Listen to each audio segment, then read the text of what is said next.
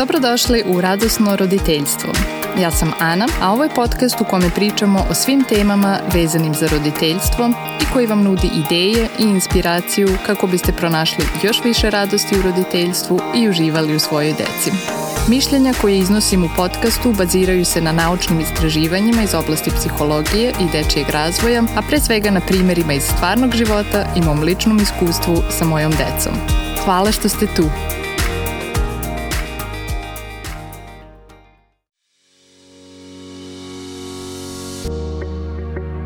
Možda se i vi ponekad pitate, pročitala sam puno knjiga, dobila sam puno informacija, razumela sam šta treba da radim i opet sam izgubila živce, vikala na svoje dete, pretila, rekla sam mu nešto neprijatno ili sam ga možda prejako uhvatila.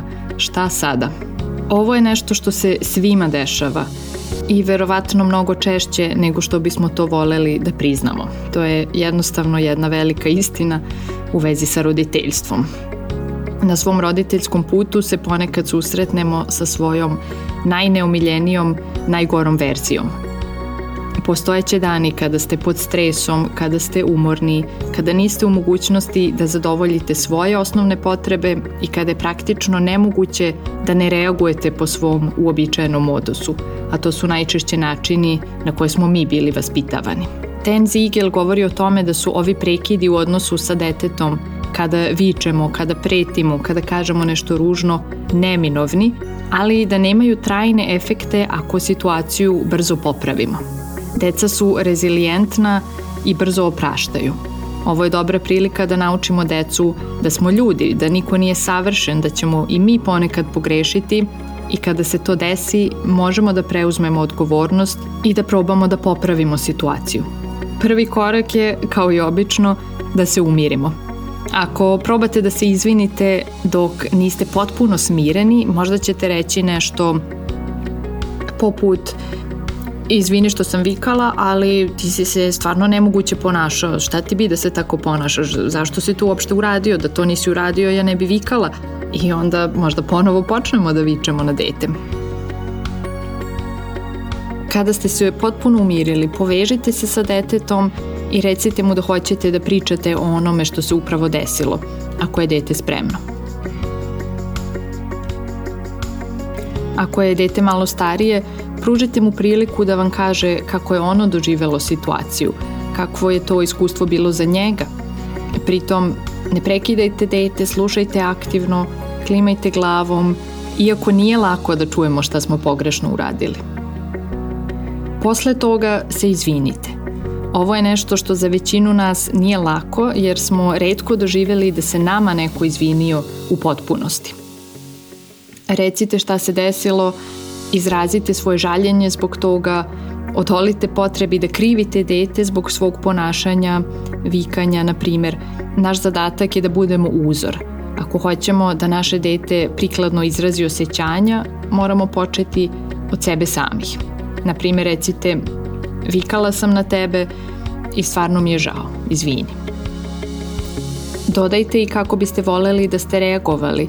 Na primer, trebalo je da kažem Brinem se da ćemo zakasniti ako uskoro ne krenemo, vreme je da obučeš cipele, evo pomoći ću ti.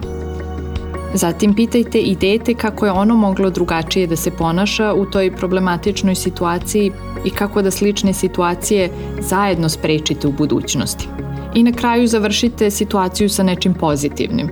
Možda ćete zagrliti dete, možda ćete zajedno čitati detetovu omiljenu knjigu ili ćete izaći napolje da se zajedno prošetate, šta god vama i vašem detetu pomaže da se ponovo povežete. I na kraju, ako ste neko ko ima sklonosti ka snažnim osjećajima krivice i griže savesti, budite strpljivi i blagi prema sebi.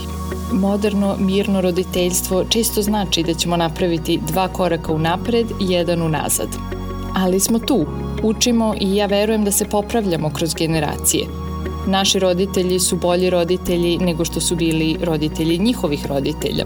I mi smo bolji roditelji nego što su bili roditelji naših roditelja. Svi učimo, postajemo svesni, imamo više informacija i podrške i ja sam sigurna da će naša deca biti još bolji roditelji ali ne možemo da preskočimo taj evolucijski korak i da budemo najbolji roditelj. Ne možemo da se jednostavno oslobodimo svega što je u nama, što nosimo od prethodnih generacija, ali možemo da nastavimo da učimo iz svojih grešaka, da probamo opet ili da probamo nešto drugo, da prihvatimo da je i to deo nas i da radimo na onim stranama sebe koje želimo da promenimo.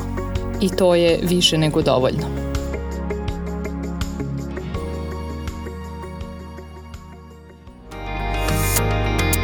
Hvala što ste slušali Radosno roditeljstvo.